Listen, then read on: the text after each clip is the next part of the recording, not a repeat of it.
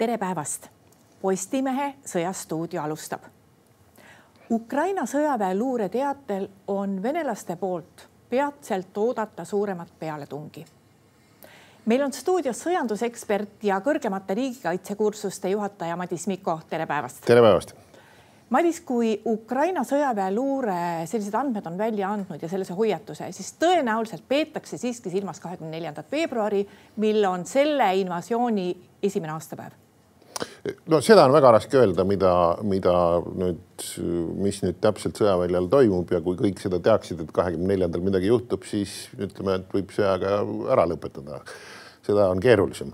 muuseas, aga ma tahan meid ja kõiki täna ka õnnitleda Tartu rahu puhul, ühesõnaga, mis Tartu rahu aastapäeva puhul, mis veel kord tuletab meelde, kui kallis tegelikult vabaduse hind on ja ma pean ütlema, et, et inimesed Ukrainast, kellega ma praegu olen ka kirjavahetuses aeg-ajalt, peavad seda, mis seal toimub, ka Ukraina vabadussõjaks.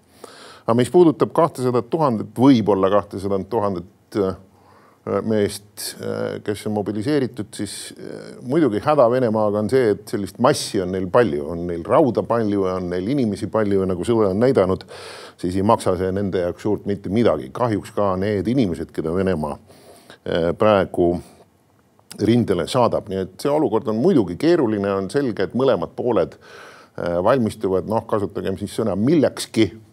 aga mis kuupäeval ja mis kell see toimub, me ei tea. lisaks on oodata ka ju Putini pöördumist. Mm, nii et äh, muidugi tuleb huviga jälgida, aga, aga mis kell, mis kuupäeval, keegi ei tea seda. nojah, venelaste puhul on ikka räägitud, et neil sellised äh, kuupäevad on tohutu suure sümbolväärtusega ja me ei saa siin ju unustada ka seda, et tegelikult on tulemas ju veel ka armee aastapäev armee aastapäev küll jah, kõik need on seal ühel, ühel, ühel, ühe, ühtede kuupäevade ümber, aga veel kord, et need on Putini jaoks olnud jah, tähtsate äh, või sümboltähendustega, aga veel kord ei oska arvata, mis kell, mis, mis kell just uus sõda või uued lahingud algavad.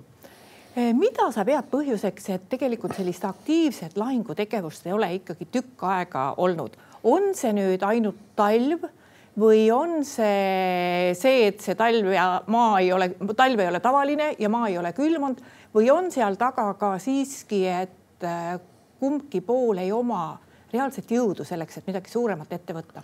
ma arvan, et see on kombinatsioon kõigist, mida sa just täpselt nimetasid, aga kindlasti kliima mängib siin oma rolli, sellepärast et Ukrainas on maa pehme, midagi ei ole teha ja tankid ei liigu ükskõik kummalt poolt siis. nii et ma arvan, et see on kombinatsioon kõigest, muidugi nii, nii Venemaa kui Ukraina äh, nii-öelda proovib ennast ümber grupeerida. ühesõnaga, et see on, see on niisugune kombinatsioon kõigest, aga kevade poole kindlasti läheb kahjuks uuesti andmiseks. Kui me räägime võimalusest, võimalusest, et venelased tõesti kahekümne neljandal või kahekümne kolmandal võtavad midagi, midagi suuremat ette, kus neil võiksid üldse reaalsed võimalused olla, sest noh, selge on see, et rinne on tohutult pikk ja kogu rinde ulatuses ei suuda mitte keegi sõdida, mitte kumbki pool ei ole selleks võimeline. no jällegi ma ütlen, et see on niisugune sõjatarkus, mida tegelikult ükski pool, ükski pool oma nii-öelda plaanimise tubadest välja ei lase, nii et, et ärgem spekuleerigem, et see on niisugune puhas oletamine. aga ju neid sealt ju seda oodata, kus rohkem, rohkem koondatud on, mõned asjad on muidugi poliitilise tähendusega aga ma arvan, et äh, jälgime, jälgigem olukorda, et vaatame, mis seal juhtuma hakkab, nii et, et see on niisugune puhas spekulatsioon, millega ma ei tahaks kaasa minna.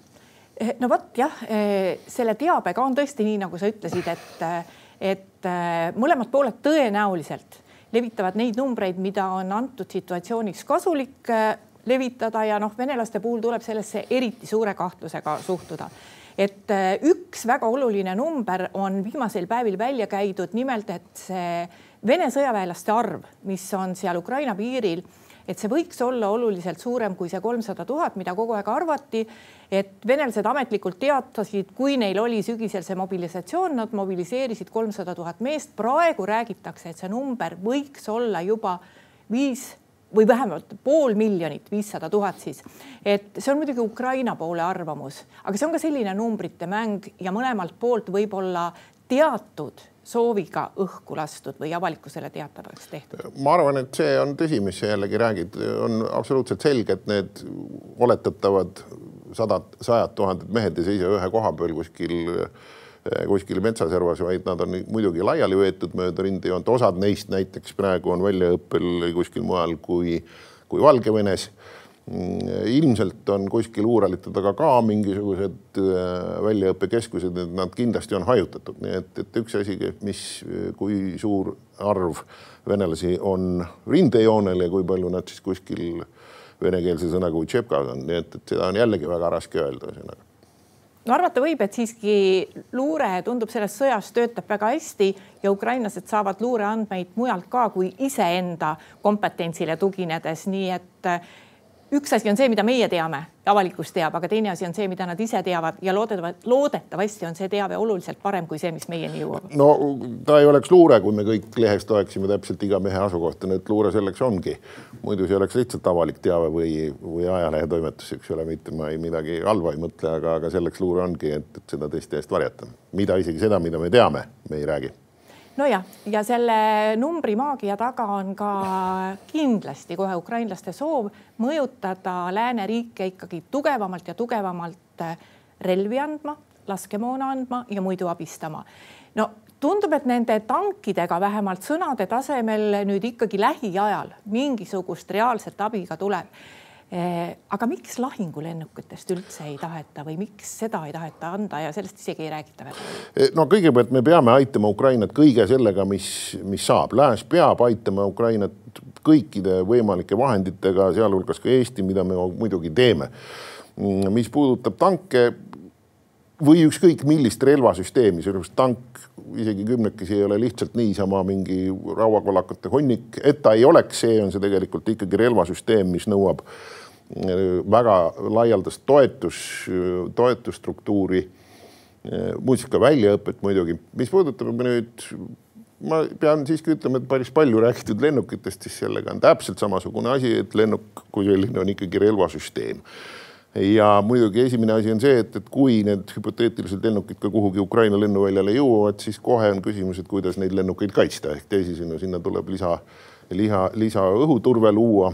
Nii et see on üks suur müriaad igasuguseid, igasuguseid elemente liiaks või li, muidugi lisaks ka, lisaks ka äh, poliitiline aspekt. üldiselt on teada, et tegelikult Ukraina piloote on juba õpetatud ja ma usun, et õpetatakse ka praegu lendama siis äh, lääne lennukitega, et see valmisolek tegelikult juba luuakse mis kell ja mis kuupäeval need lennukid sinna jõuavad, ma arvan, et see on tegelikult aja küsimus, see on ka, kuidas sõda kulgeb küsimus.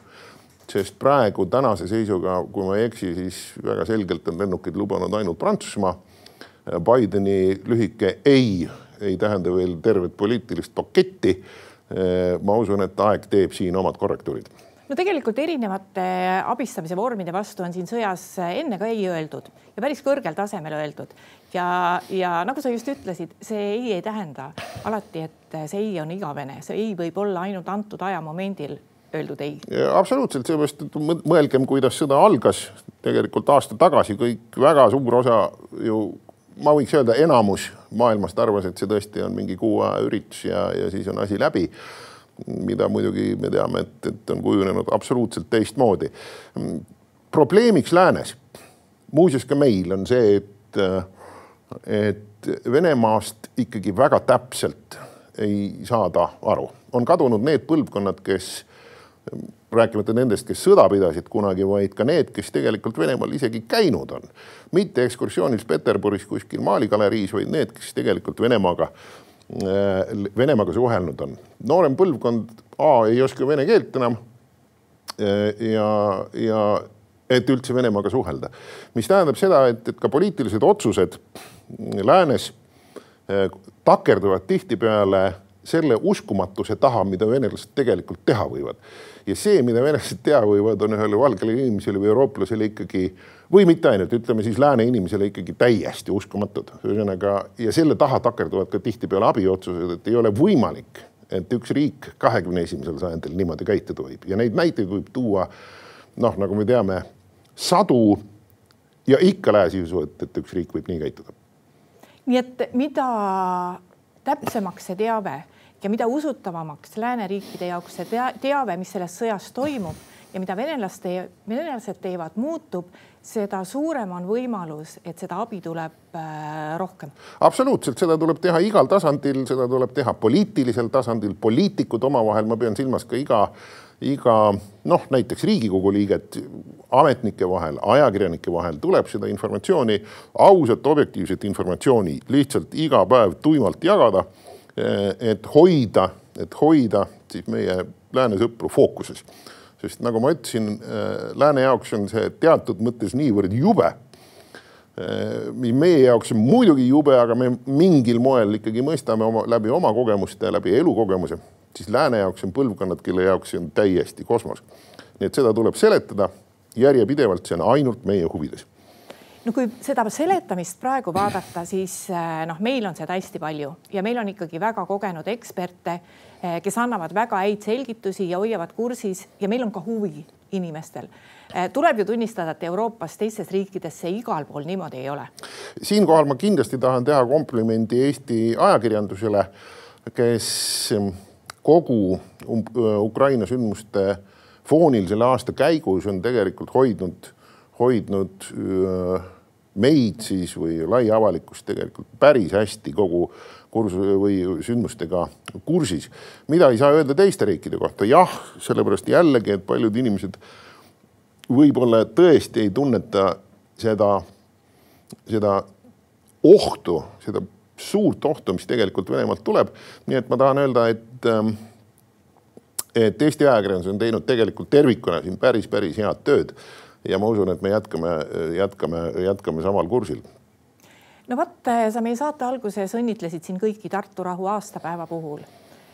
ja selle päeva kontekstis on tegelikult hästi sobiv ju küsida, et kui tekkis lootus et Soome ja Rootsi liituvad NATO-ga, siis nii mõnedki inimesed, kes ei ole üldse sõjaspetsialistid, aga isekeskis rääkisid, et see annab meie julgeolekule täiendava garantii, kui me teame, et siin Läänemere piirkonnas noh, ongi kõik riigid, mis on nii-öelda NATO vihmavarju all. Täna ei ole ikkagi päris selge, mis sellest liitumisest saab, eriti mis puudutab Rootsit. Ja kui Rootsiga tekib küsimusi, siis võib probleeme tekkida ka Soomega. Kui äh, julged meie täna Tartu rahu aastapäeval võime olla selle NATO vihmavarju suhtes, noh, kui meie kõrval on mitu riiki, kes täna seal liikmed ei ole?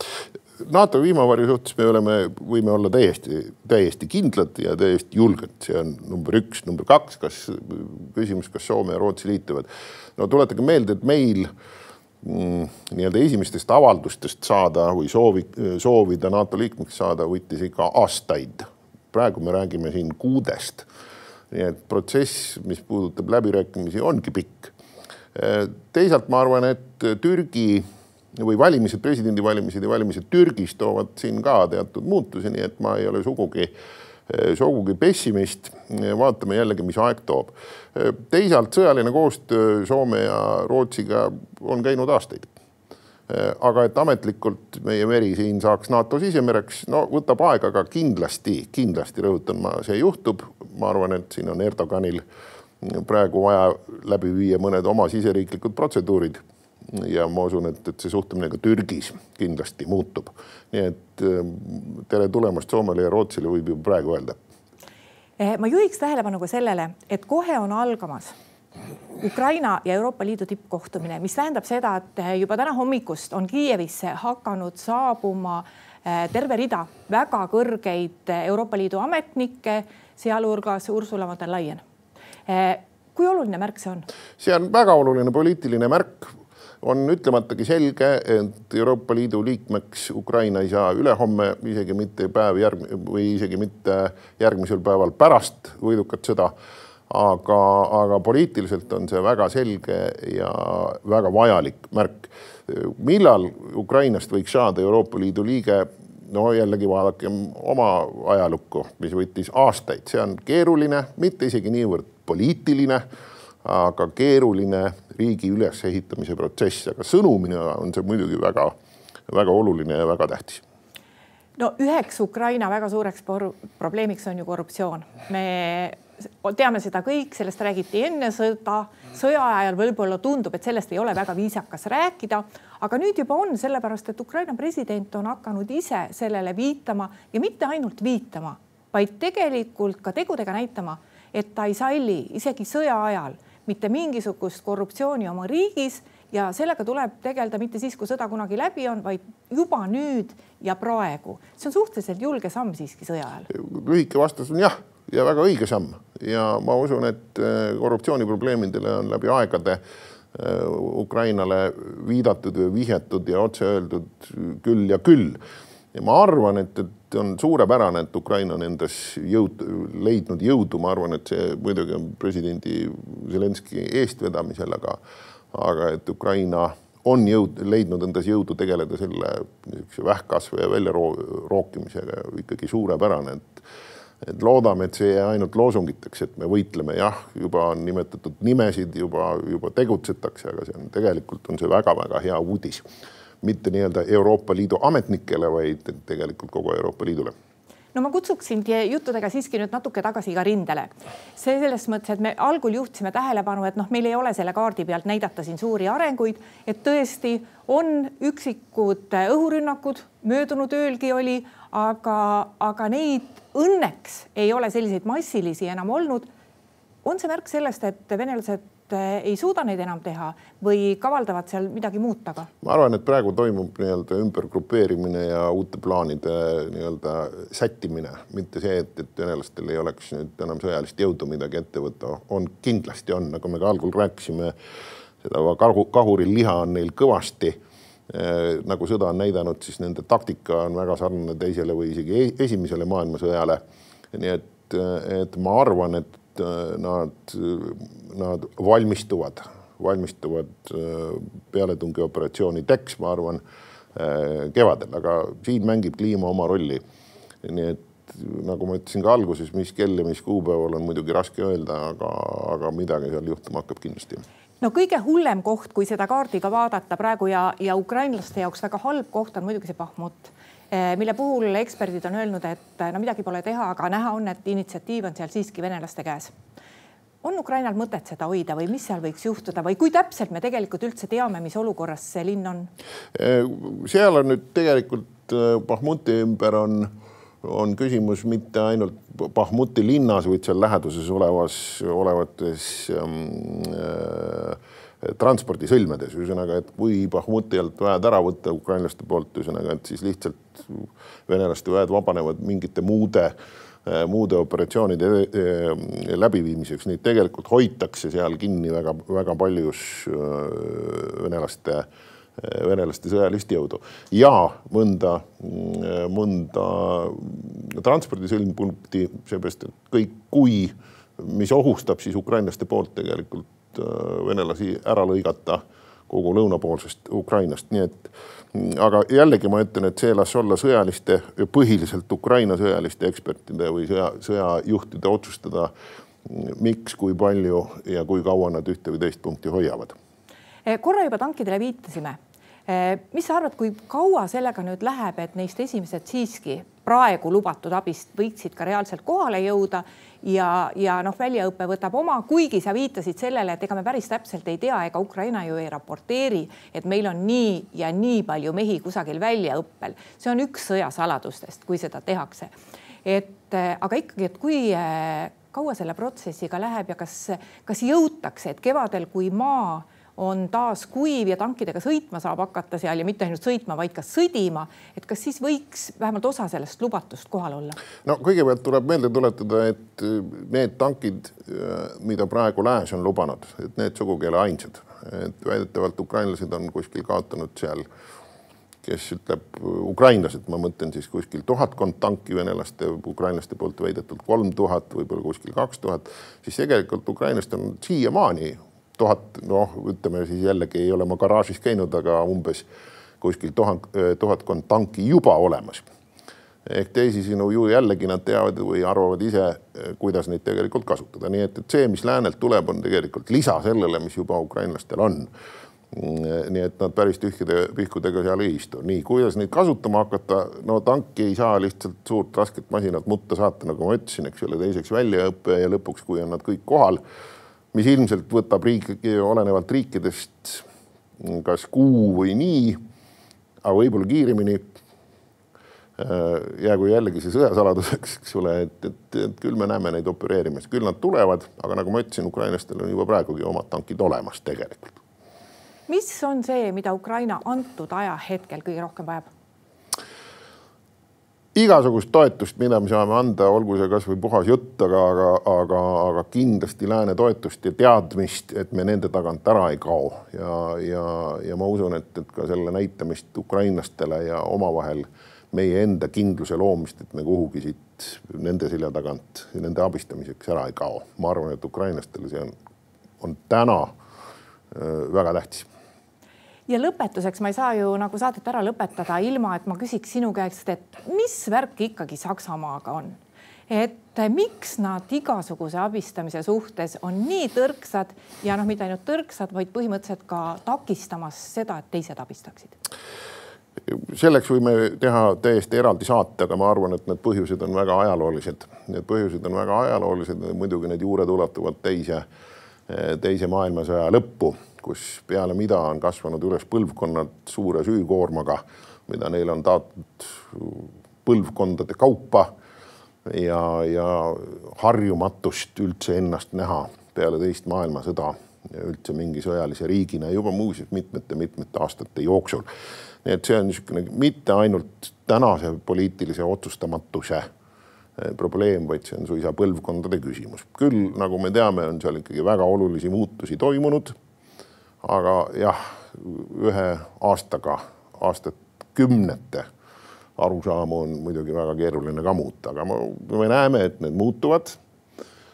see, et nad teisi ei lase otsustada, siis see on või abistada, siis see on puhtalt üks rahvusvahelise õiguse taha pugemine, aga tegelikult on see pakett, see on pakett aastakümnete jooksul kujunenud arusaamu. aitäh, Madis Mikko tulemast saatesse ja aitäh ka kõigile neile, kes meid vaatasid.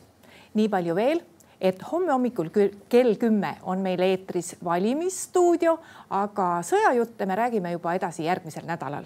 seniks hoidke end uudistega kursis postimees.ee